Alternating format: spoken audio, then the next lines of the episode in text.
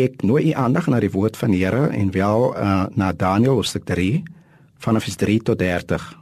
Dit gaan hier oor die geloof van drie manne wat getoets word. Hier in Daniël 3 ontmoet ons drie jong manne wat beweeg word deur hulle innerlike oortuigings eerder as wat van hulle buite van hulle verwag word. Duidelik was hulle bewus van die geweldige eise en gevolge van hulle oortuigings teenoor wat hulle op hulle geneem het. Tog hou hulle by hulle besluit. Die oond word vir die manne warm gemaak.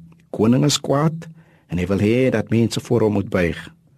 Maar omdat hierdie drie jong manne die wet van God geken het, kon hulle nie meedoen aan wat hier van hulle gevra word nie.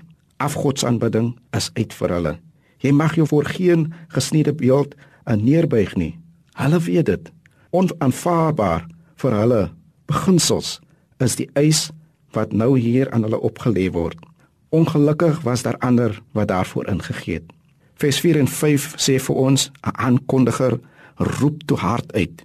Hier is die bevel. Die oomblik wanneer jy die orkes hoor, moet julle almal neerbuig en die goue beeld aanbid. Die gevolg van die bevel, vers 6. Die een wat nie die beeld aanbid nie, sal dadelik in 'n oond gegooi word. Vers 7 sê dan, toe die verteenwoordigers van die verskillende volke die orkes hoor speel, het hulle almal neergebuig en die koning aanbid. Die mense was totaal geïntimideerd deur die vuuroond. Die dreigement van 'n vuur was vir hulle te veel. Die koning het hulle op hulle knieë voor hom dit is eerder buig of brand. Maar die uitsondering was dat hierdie manne nie gebuig het nie. Die klagte kom in. Daar is 'n paar manne wat hulle nie aan die bevel steur nie. Hulle word aangekla. Die gevolg is hulle word in die vuuroond ingegooi. Die manne se antwoord aan die koning was: Ons kan nie buig nie. Ons moet aan God gehoorsaam wees. Vers 16 sê: Dit is eintlik nie vir ons nodig om onsself in hierdie saak te verdedig nie. Ons staan by ons besluit, u edele.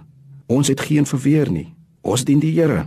Ons is nie skynheilig nie. Ons het plesier om God te dien. En dan en dan sien ons word hulle in die oond gegooi. Die gevolg van hulle besluit was maak die oond sewe maal warmer. Die vuur word ondraaglik gemaak. Vers 23 sê: Maar Sadrag, Mesach en Abednego was met toue verbind en in die vuur ingegooi. Verbasend lees ons verder dat daar toe in die oond vier manne was.